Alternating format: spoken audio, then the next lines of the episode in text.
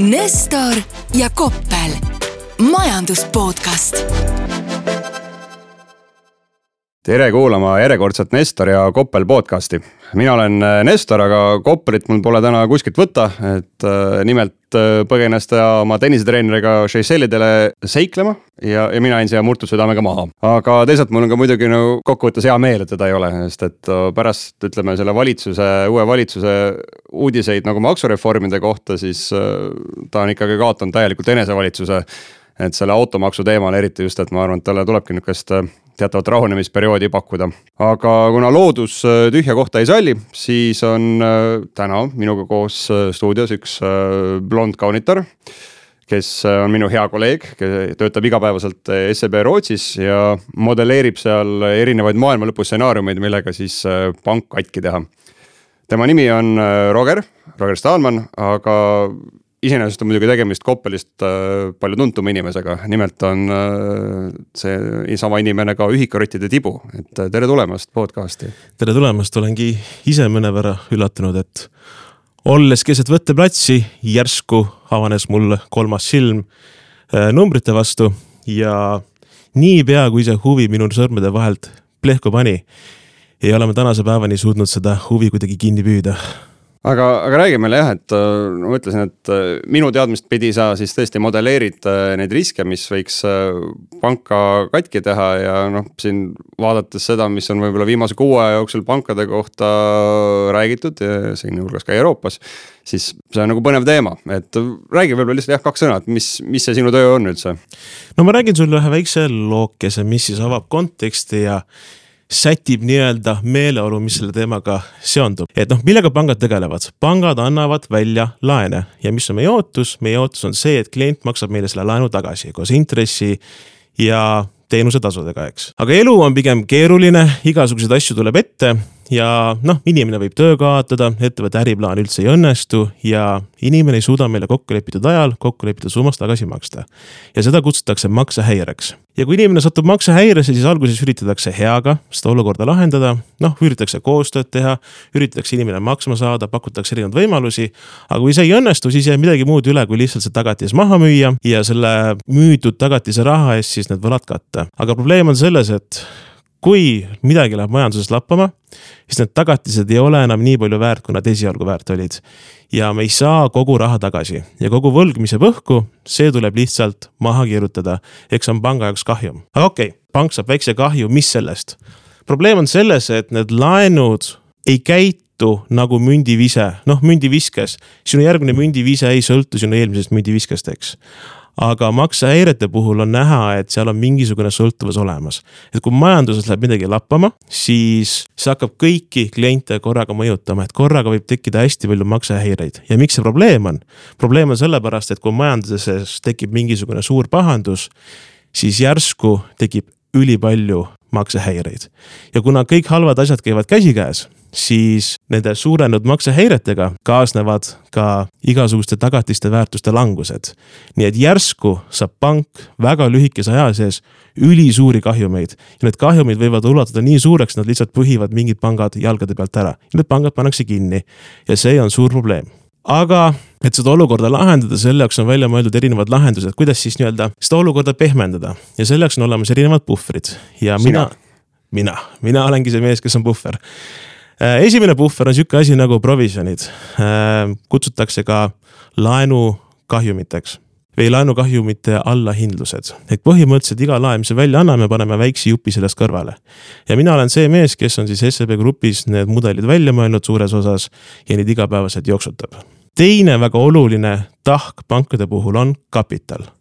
ehk kapital on see viimane nii-öelda puhver, mis siis kaitseb meid nende suurte ootamatute kahjude vastu. ja see arvutus on väga rangelt reguleeritud. noh, kui mõelda ettevõtte peale, siis tegemist on sisuliselt omakapitali kui midagi läheb väga pahasti, siis omakapital üritab need suured kahjud ära siluda ehk mida me sisuliselt teeme, on see, et selle asemel võtta see üks suur kahju korraga sisse, me venitame selle üle pika-pika aja, paneme natukene kogu aeg kõrvale.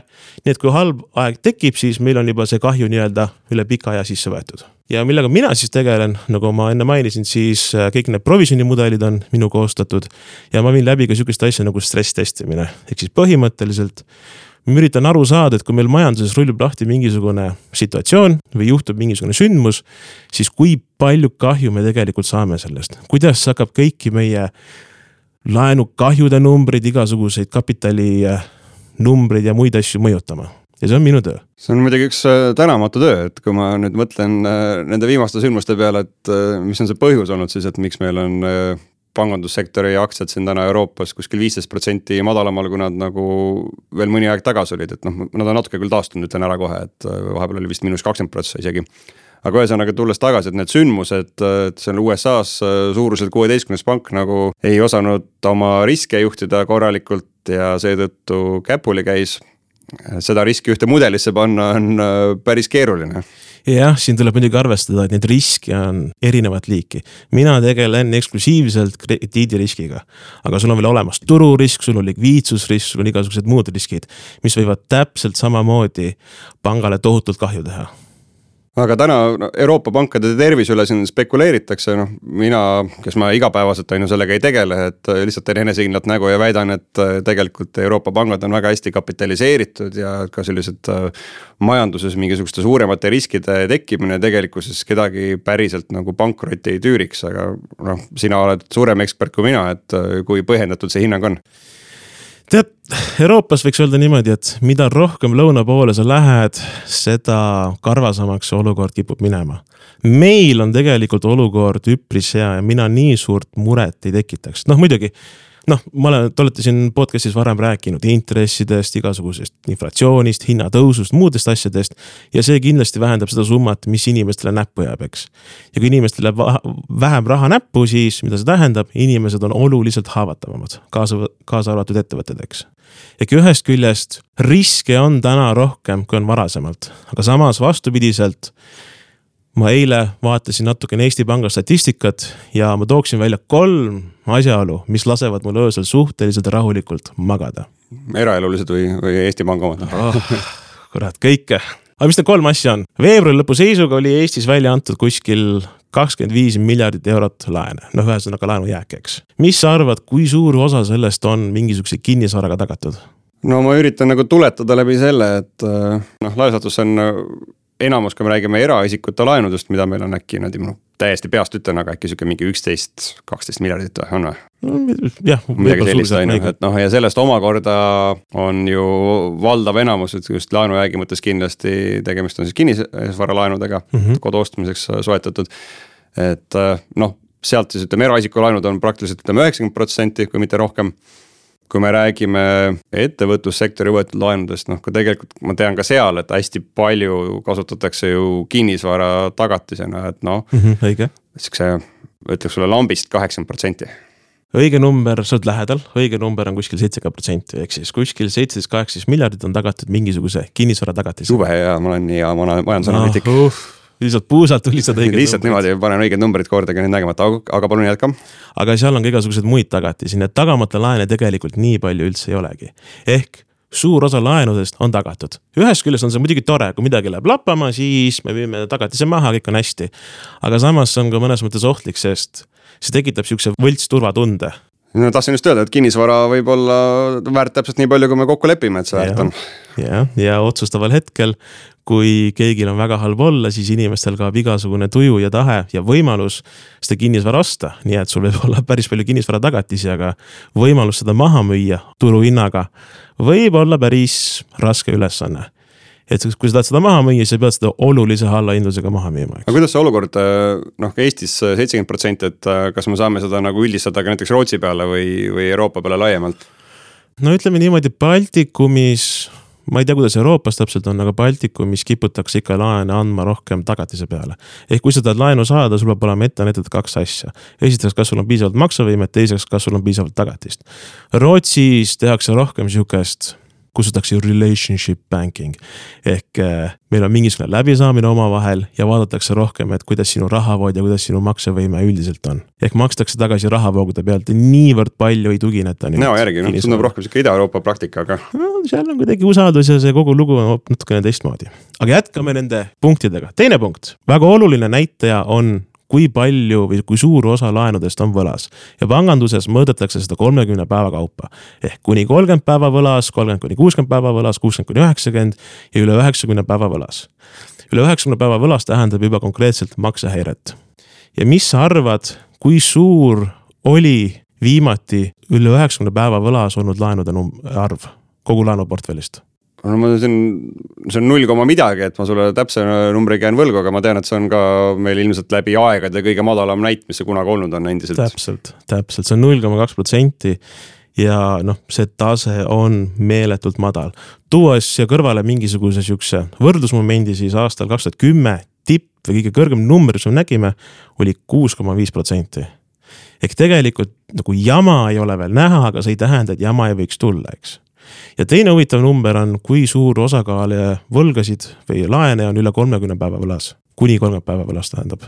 Noh, see on natuke kõrgem, on ju, et vahel unustada maksta nii-öelda, aga ega see on ka ilmselt midagi protsendiga. jah, see on täpselt kuskil üks protsent, seal on näha, et natukene on see number tõusnud, aga see on ikka madalam, kui see oli enne koroonaviiruse e-, eelset aega aga no üks nagu teema, mille üle hästi palju spekuleeritakse siin Eestis, kui mina käin kuskil esinemas, alati küsitakse, nüüd on see, et, et loetakse, et Rootsis on suur kinnisvarakriis ja Eesti kaks suurimat panka on äh, nii-öelda Rootsi pangad.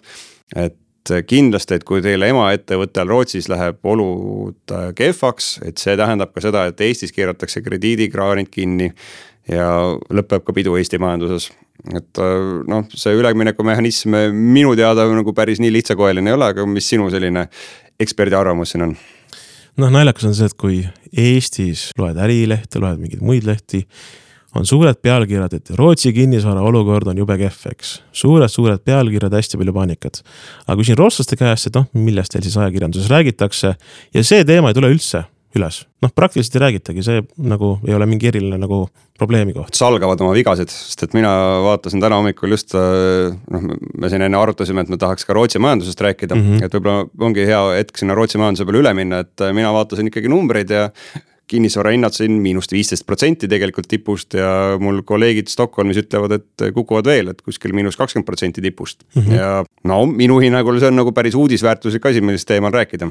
on, aga rohkem kajastust leiab nagu kommertskinnisvara, mis on oluliselt tundlikum teema et sealsed riskid on suuremad, noh. sa loed lihtsalt äh, sihukest äh, snoobide ajakirjandust seal, et äh, lihtsalt inimest ei huvita mingisugune kommertskinnisvara, et vaid ikka enda kodu kallis oleks noh, kui ma olen no, igasuguseid stress-teste teinud, siis ma olen neid tulemusi igatepidi läbi uurinud ja ma olen sealt paar sihukest huvitavat nüanssi leidnud. Äh, me saame alati vaadata seda, kui palju mingisugune sündmus mõjutab kapitali erinevate stsenaariumite puhul, eks. ja kui nüüd võrrelda seda, et, et kui suur on mõju kapitali sihukese tavapärase majandusolu puhul versus kui suur on see mõju näiteks mõne väga nii-öelda suure pahanduse ajal, siis sealt me saame tuletada sihukest tundlikkuse määra, eks. paljudel portfellidel see tundlikkus ei ole mitte midagi erilist, aga on paar portfelli, kus see tundlikkus on tohutu. Need on siuksed portfellid, mis seal ajal käituvad nagu siuksed ilusad printsessid, kõik on äge. risk on hästi vähe, pannakse hästi vähe kõrvale, aga kui olukord läheb halvaks, siis sealt see põhi, portfell põhimõtteliselt plahvatab sulle näkku. ja need portfellid on kõik, mis on kinnisvaraga seotud, eriti just kommertskinnisvaraga, et sellepärast see kommertskinnisvara teema on pankade nii-öelda riskide vaatepunktist suhteliselt kriitiline teema. kui näiteks vaadata ajalugu, siis kas sa tead, millal toimus Rootsis kõige suurem panganduskriis?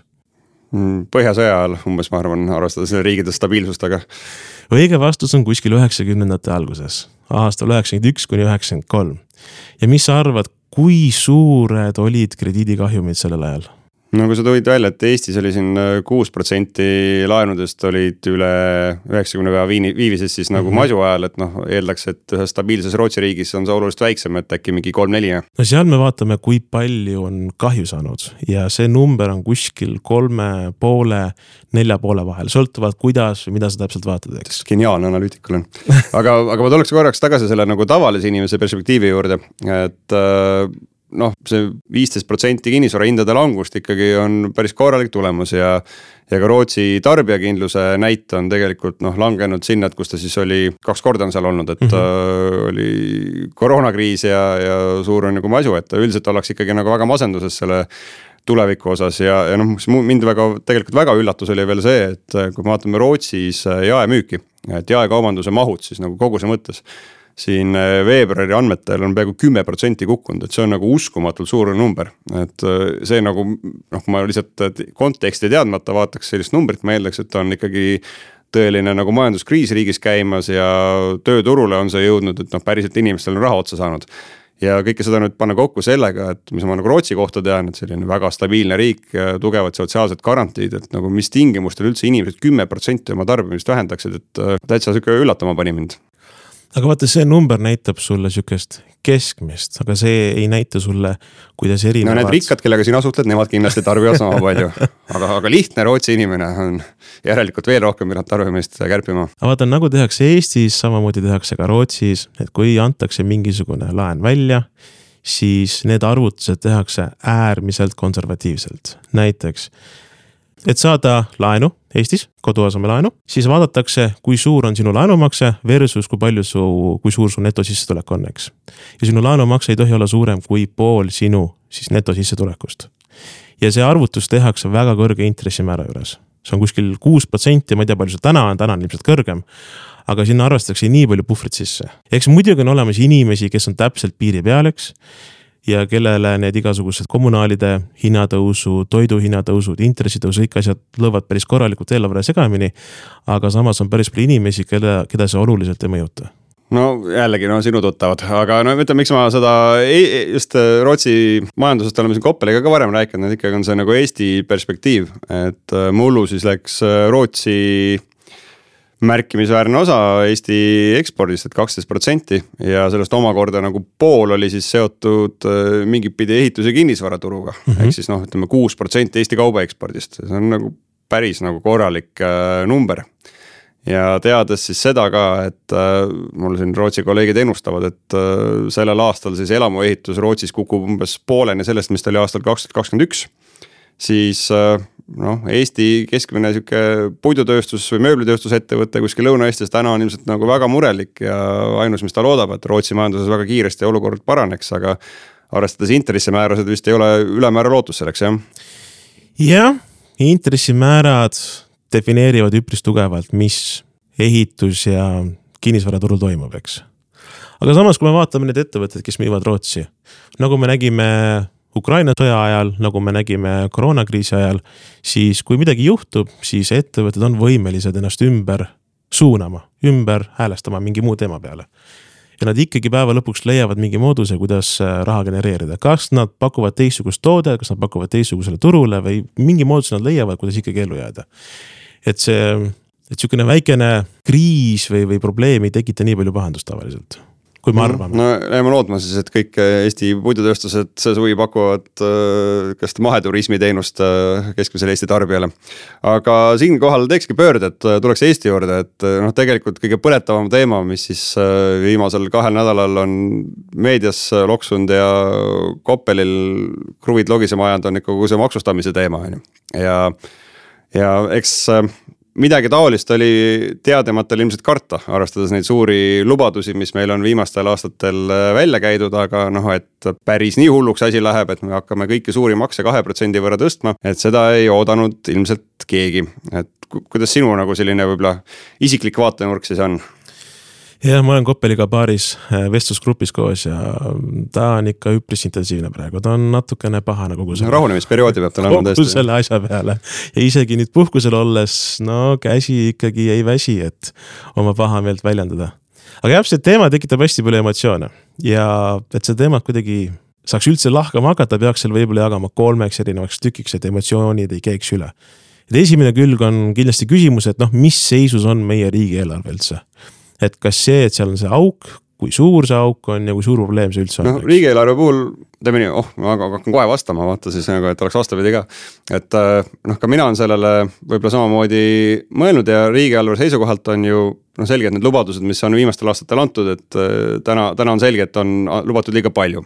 ja mis me siis teeme, kas me hakkame oluliselt kärpima või siis proovime sellele leida rahastusallikaid mm -hmm. ja noh, ma mõtlen, et Eesti on teinud võib-olla viimase kümne aasta jooksul meeletu sihukese majandusliku konvergentsi Euroopa Liiduga võrreldes. aga koos selle sihukese majandusliku konvergentsiga mulle tundub, et on kasvanud ka nagu inimeste ootused nendele avalikele teenustele, mis me siin saame, et äh, päris sellega nagu ei lepita, et äh, enam polegi võimalik arsti juurde pääseda või see, et mm -hmm. teed on aukusid täis ehk siis kokkuvõttes me oleme valmis kõigest nagu rohkem maksma, me ise elame ju paremini, sööme rohkem restoranis, raiskame ise rohkem raha. Et noh, mõneti on ju loogiline, et äh, me oleme siis valmis ka nagu maksma aina enam selleks, et need ühiskondlikud hüved oleksid äh, väga hea kvaliteediga. Ja noh, selles mm -hmm. plaanis mulle tundub, et on täitsa võib-olla sihuke ühiskondlik konsensus selles osas, et jah, me tahame paremaid avalikke teenuseid ja maksame selle siis kinni. jah, nõus, et kõik asjad maksavad, raha ei tule seinast, nagu mõned poliitikud arvavad. ja kuskilt tuleb kogu selle asja jaoks rahastust leida. nüüd teine küsimus ongi see, et okei okay,, auk on probleem, aga kuidas seda auku siis lappida? ja noh, muidugi üks võimalus on makse tõsta ja kuidagi sedamoodi seda raha kätte saada. Peetril ilmselt oleks teine vaade, arvestades meil on negatiivsed reaalintressid ja Eesti maksukoorm- või see võlakoormus ei ole väga suur. noh, saaks ka võib-olla ka mingis osas võlaga seda katta. aga jällegi, kas võlaga peaks katma jooksvaid kulutusi mm,? Võib-olla mitte. no minu jaoks nagu viimased jah, täpselt sama asi, et äh, jooksvate kulude katmine nagu võlaga, et see eeldaks siis seda, et me suudame prognoosida ka, et mis on järgmise kolmekümne aasta jooksul reaalintressimäärad, mis ja. on inflatsioon, äh, mis teevad keskpangad ja see on võimatu, et ma, ma olen selles mõttes nagu nõus nendega, kes ütlevad, et Eesti ilmselt peaks olema jätkama sellise konservatiivse äh, eelarvepoliitikaga, et oleme siin sihuke pisike riik ja võime nagu väga lihtsalt turgude usalduse kaotada, et ma tean, et sa tegid siin mingisuguseid kalkulatsioone, et äh, mis intressimääraga täna Eestil võimalik laenata on? jah, see number on üpris huvitav, et Eesti andis siin mõni aeg tagasi võlakirju välja, mille kupongi intress oli null koma sada kakskümmend viis protsenti, noh, väga pisikene intressimäär, eks ja kui täna vaadata, mis hinnaga seda sama võlakirja osta saad ja vaatad, mis see tootluse mõttes tähendaks, see tootlus on kuskil kolm koma neli protsenti. Noh, see küll ei näita palju, aga ta ütleb seda, et kui Eesti tahaks uuesti laenu võtta, siis see võiks olla umbkaudne intressimäär, mida ta peaks pakkuma oma võla eest. kolm koma neli protsenti, see on meeletu tõus. aga noh, jah, tõesti, et arvestades, et äh, sellel aastal Eesti inflatsioon on seal kuskil pakuks, et üheksa protsenti, noh jah, tõepoolest, et äh, selle reaalne noh, tundub endiselt nagu võib-olla hea deal ka sada kolme protsendiga laenu võtta. aga, aga jah, see jooksva kulu küsimus on minu jaoks ka siin hästi oluline, aga mis mind ennast võib-olla kõige rohkem nagu piinama selle juures on jäänud, on äh, on see, mida siin ka nagu maksueksperdid välja toovad. Et ega me noh, hoolimata sellest automaksust, mis täna ei ole ju ka veel mingil kujul realiseerunud, et äh, endiselt äh, tõstame siis olemasolevaid makse ja Eesti maksustruktuur on äh, üsna eripärane. et äh, nimelt me siis vara väga ei maksusta, küll me maksustame väga jõuliselt siis äh, tegelikult äh, käibe, ütleme käibemaks on meie suurim tuluallikas, et siis nagu asjade ostmist ja selle paraku see külg on see, et äh, saavad pihta ikkagi need äh, pigem madalama sissetulekuga leibkonnad, et äh, noh, toitu me tarbime kõik enam-vähem nagu sarnases koguses ja sarnase hinna eest, aga paratamatult, et vaesemate leibkondade eelarvest võtab see oluliselt suurema hulga raha. jah, tõsi, kuigi noh, käibemaks suureneb kahekümne protsendilt kahekümne kahe protsendi peale, mis siis tegelikult tähendaks hindade tõusu kuskil üks koma seitse protsenti aga noh, me oleme ka varasemalt näinud, kui on mingeid aktsiise või muid asju tõstetud, siis tegelikult kaupmehed tõstavad hindu natukene rohkem. kogu selle asja varjus ütlevad, näe, käibemaks või mingi maks tõusis, et nüüd on asjad kallimad. ja kindlasti see mõjutab äh, ka leibkondi, kellel ei ole eelarve ka nii head olukordadeks, aga samas ta mõjutab ka kõiki teisi aga see varamaksude puhul, mis mul noh, veel on kuidagi silma jäänud, et äh, tänagi siin oli täna praegu lindistame seda oma, oma podcast'i seitseteist aprill ja minu kunagise hea õppejõu Urmas Arblase artikkel oli tänases Delfis, kus ta siis nagu noh, üsna jõuliselt ütles ka välja, et me peame varamaksudega rohkem tegelema ja ikkagi, et äh, ka kinnisvaramaks oleks selline maks, mida võiks kaaluda. ja no ma, ma mõneti nagu olen temaga nõus, aga selle üks selline huvitav külg on ju see meie selline postsovjetlik äh, elukorraldus siin, kus äh, noh, see, mis loterii sulle nõukaajal siis elu, eluasemeks tõi, ei pruugi vastata tegelikult sinu tänastele nagu finantsvõimetele.